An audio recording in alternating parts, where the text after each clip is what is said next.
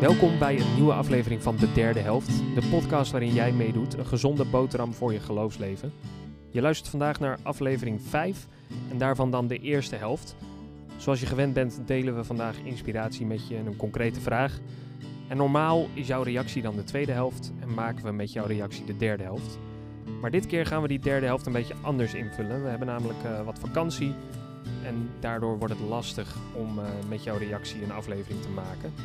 Dus we hebben zelf uh, een reactie bedacht. Zelf bedacht hoe we daar wat dieper op in kunnen gaan. En ehm, nou ja, dat ga je komende zondag horen. Voor nu dus de eerste helft. Ga er even lekker voor zitten of loop een blokje om. Vandaag uh, hoor je eindelijk ook een keer de stem van een vrouw. Eigenlijk ook wel fijn in de derde helft. Ik ben hier met Martina. Ze is kerkelijk werker in de CGK in Zwolle. wil je eens wat over jezelf vertellen? Hey, um, ik ben Martina Vrijen. Um, ik ben uh, ja, sinds een jaartje uh, werkzaam als kerkelijk werker kringen in CGK Zwolle, zoals je al zei. Uh, ja. Ik ben verantwoordelijk voor het coördineren van het kringenwerk, um, een stukje beleid, toerusting van kringleiders en kringmentoren. Ik ben getrouwd met Roel. Ik heb twee avontuurlijke zoontjes van drie en twee. Leuk, mooi. Nou, ik vind het fijn dat je er bent. En mensen die mij een beetje kennen weten dat ik vind dat vrouwen in de kerk wel vaker en meer um, iets moeten kunnen delen. Ook woorden kunnen delen. We zetten vrouwen wel op het podium qua muziek, maar qua woorden nog wat minder. Um, nou, en daarom vind ik het ook extra fijn dat je er hier uh, bent. En we gaan het ook hebben over sterke vrouwen. Kun je daar eens wat over vertellen? Wat, we, nou ja, wat ongeveer die sterke vrouwen zijn en wat ze doen? Ja, een verhaal dat mij altijd fascineert is het verhaal van uh, Sifra en Pua. Uh, je vindt het in Exodus 1. En dat zijn twee vroedvrouwen. Ze zijn uh, dus verantwoordelijk voor uh, begeleiden van geboortes. Um, maar ze worden door de farao gevraagd om, ja, om de babytjes, die, de mannelijke babytjes, de jongetjes, te doden. Nou, kan je je voorstellen dat dat al tegen hun beroepscode ingaat. Ja. Um, alleen zij hebben ook een andere motivatie om dat niet te gaan doen. En ja, ik vind dat een inspirerend verhaal. Ja, mooi. Nou, fijn. Je gaat daar zo uh, meer over delen. maar we gaan eerst even luisteren naar een lied. Dat is eigenlijk een klaaglied. Een roep om God om te vernieuwen, ons weer terug te leiden naar Hem. Nou, het past ook heel goed bij het verhaal dat we zo gaan lezen. Dus we gaan nu eerst luisteren. Oh God, will you restore us? Oh God, will you restore us and grant us your salvation? Oh God, will you restore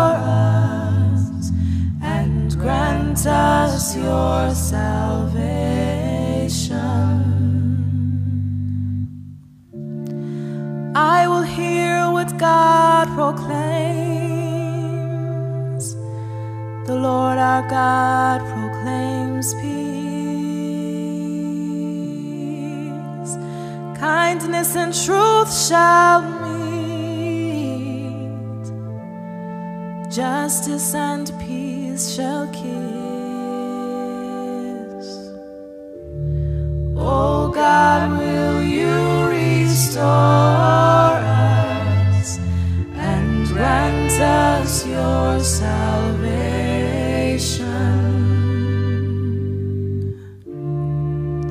Here is the fast that I choose loosen the bonds of the oppressed and break their chains. Let righteousness and justice go out before you.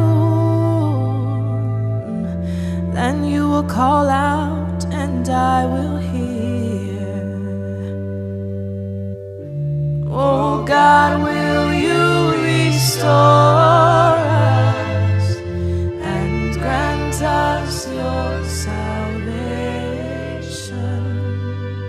Lezen dit uh, verhaal van Sifra en Pua in Exodus 1.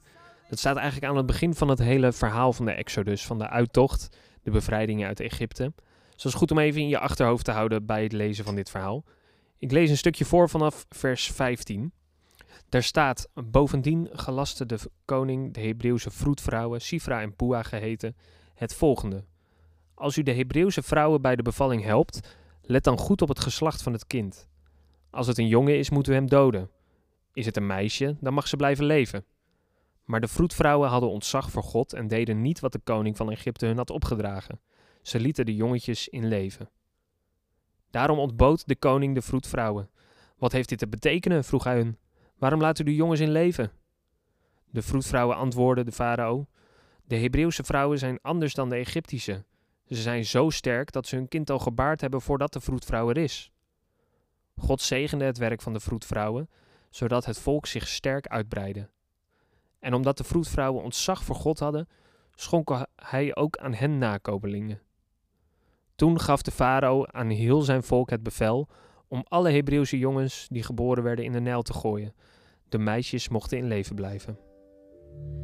Oh God, will you restore us? Zou jij verloskundige willen zijn? Lijkt me persoonlijk een te spannend beroep. Je bent verantwoordelijk voor het begeleiden van een van de meest spannende gebeurtenissen in het leven. Het begin ervan. Voor Sifra en Pua wordt het helemaal tricky. Ze weerstaan het bevel van de koning van Egypte en riskeren erbij hun eigen leven, omdat ze meer respect hebben voor de God van het leven. In de bevrijding van het volk Israël uit Egypte spelen een aantal sleutelfiguren een rol. Exodus 1 vertelt het verhaal van twee vroedvrouwen, Sifra en Pua. De farao heeft notabene aan verloskundigen gevraagd om baby's te doden. Als ze de bevalling begeleiden, mogen ze de Joodse jongetjes niet in leven laten. Dat gaat waarschijnlijk al helemaal in tegen hun beroepscode. Maar in E- Exodus lezen we over een andere reden waarom ze het bevel negeren. Ze hebben ontzag voor God, de God van het leven. Ook de farao was iemand om ontzag voor te hebben en hij wordt als een God vereerd. Maar de vroedvrouwen beseffen wie God is en dat hij leven geeft. Daar willen ze niet tegen ingaan. Twee vroedvrouwen zal wel niet genoeg zijn geweest voor een heel volk. Ik vermoed dat ze aan, een, aan het hoofd staan van een groep. Wat ze doen is levensgevaarlijk. Ze moeten zich organiseren, samenwerken met de Israëlitische vrouwen en ze bedenken een pact van vrouwen. Tegenover de macht van de farao, die gebaseerd is op angst en op dwang, stellen zij een soort liefdevolle intelligentie. Ze verzinnen een list om de Joodse jongetjes te redden en toch zelf buiten schot te blijven. God zegent hen met kinderen. In die tijd en cultuur was de zegen van kinderen heel erg belangrijk. Het krijgen van kinderen gaf je status als vrouw. Misschien zit er ook wel iets symbolisch in, in deze beloning van God. De God van het leven zegent deze vrouwen met nieuw leven, omdat zij het leven hebben beschermd. God is blij met wat ze doen. In het hele boek Exodus komen we de thema's van dood en leven tegen. Dood is niet alleen een moment. In Egypte hebben de Israëlieten geen leven. Ze moeten als slaven werken voor de rijkdom van een koning, die alleen uit is op macht en op zijn eigen rijkdom. Hij staat aan de top van een systeem van uitbuiting. Misschien heb jij best wel een mooi leven. En vechten tegen de dood, dat kan best wel zwaar klinken en het kan ver van je afstaan. Toch zijn de dood en de machten van de dood, de krachten van de dood, nooit echt ver weg, nooit echt afwezig in deze wereld. In deze periode beseffen dat ook sterk. Mensen op de IC vechten letterlijk voor levens. Ik heb ook het gevoel dat veel mensen zich afvragen waar we mee bezig zijn. Bevordert het systeem waarin we leven een leven, een goed leven, een leven in waardigheid voor mensen, voor dieren, voor de natuur? Of zijn er ook andere krachten aan het werk? Vechten tegen de dood betekent kiezen voor het leven en daarvoor willen vechten. Ik geloof dat God nog steeds een God van het leven is. Jezus kwam om leven te geven en leven in overvloed. Ik denk dat het ook gaat om het zoeken naar het leven dat God geeft en dat Hij bedoeld heeft. Daar hebben we elkaar bij nodig. Hoe wil jij vechten voor leven? Waar moet je dan tegen ingaan? God ziet het graag als je het doet. In dit verhaal uit Exodus 1 ehm, zien we twee vrouwen en die gaan in tegen een systeem dat het dood, dat het dood najaagt eigenlijk. En dat is een verhaal dat mij fascineert en inspireert. En het ehm, zet me ook aan, het roept mij ook op om te vechten voor leven. Om het leven te zoeken. En dat is ook een vraag die ik aan jou wil stellen: van hoe kun jij vechten voor leven? is een, misschien een grote vraag, maar ik wil je vragen om daar eens over na te denken. Misschien kun je daarover in gesprek gaan met andere mensen, want we hebben ook elkaar daarin nodig. Dus hoe kunnen we vechten voor leven?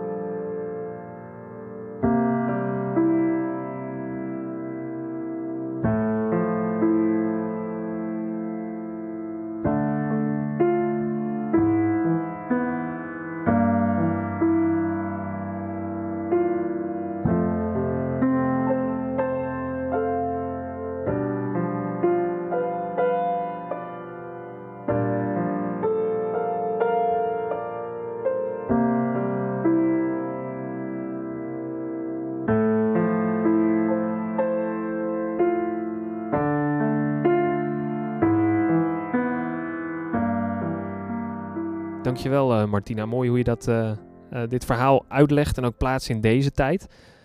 Um, ja, ik vond het ook, ook, wel mooi hoe je dat zegt van joh, we mogen samen zoeken naar leven in overvloed, leven dat God geeft en ontdekken ook hoe goed dat leven met hem is. Heb je misschien nog een tip van hoe we dat kunnen ontdekken? Hoe kunnen we nou dat leven ontdekken waar, waar God, nou ja, God die overvloed geeft? Ja, dat is een mooie vraag. Moet er even over nadenken, maar ik denk dat het belangrijk is ook uh, om daarin elkaar op te zoeken. Dat is ook al een vorm van samenleven en het leven delen die, ja. Um, ja, die, die iets laat zien van ho hoe het leven mooi kan zijn. Dat je dus voor elkaar zorgt. Um, nou, zoals we dat bijvoorbeeld ook in de kringen opzoeken om voor elkaar te zijn, voor elkaar te zorgen. Ja. Uh, het zou ook mooi zijn als je daarin ook nou ja, lokaal van betekenis kan zijn. Dus je woont allemaal ergens in de buurt en je ziet van, nou, hier ziet het er niet uit. Of uh, ja, misschien kan je dan ook iets betekenen voor de buurt. Ja. En dus ja, ook voor de buurt het, leven en het goede zoeken. Zo. Ja, precies. Zo kun je dat eigenlijk in het kleine al, al beginnen, zeg maar. Ja. Ja. ja. ja heel mooi. Nou, dat is ook wat we bij jou als luisteraar willen neerleggen. Om mee aan de slag te gaan. Om te gaan onderzoeken voor jezelf. Wat is volgens jou nou het leven dat God bedoeld heeft? En hoe kun jij daar zelf uh, dat gaan ontdekken, samen met anderen. Waar kun jij vechten voor het leven en welke rol zie jij daar voor jezelf weggelegd? Nou ja, allemaal vragen om eens over na te denken. Zoals ik al zei, normaal maken we uh, met jouw reactie dan een nieuwe uitzending. Maar we hebben vakantie, dus dat uh, wordt eventjes wat anders. Dat doen we in een andere vorm. We praten daar zo nog verder over door. Tegelijkertijd zijn we toch benieuwd naar jouw reactie. Dat geeft ons dan misschien ook weer nieuwe inspiratie voor een nieuwe aflevering. Of zelf inspiratie om te vechten voor het leven. Dus laat jouw reactie achter via Instagram, Facebook of met een mailtje naar de derde helft Wij praten hier nog even lekker door over dit thema. Sander uh, komt er zo even lekker bij zitten en dan hoor je komende zondag de derde helft. Tot dan!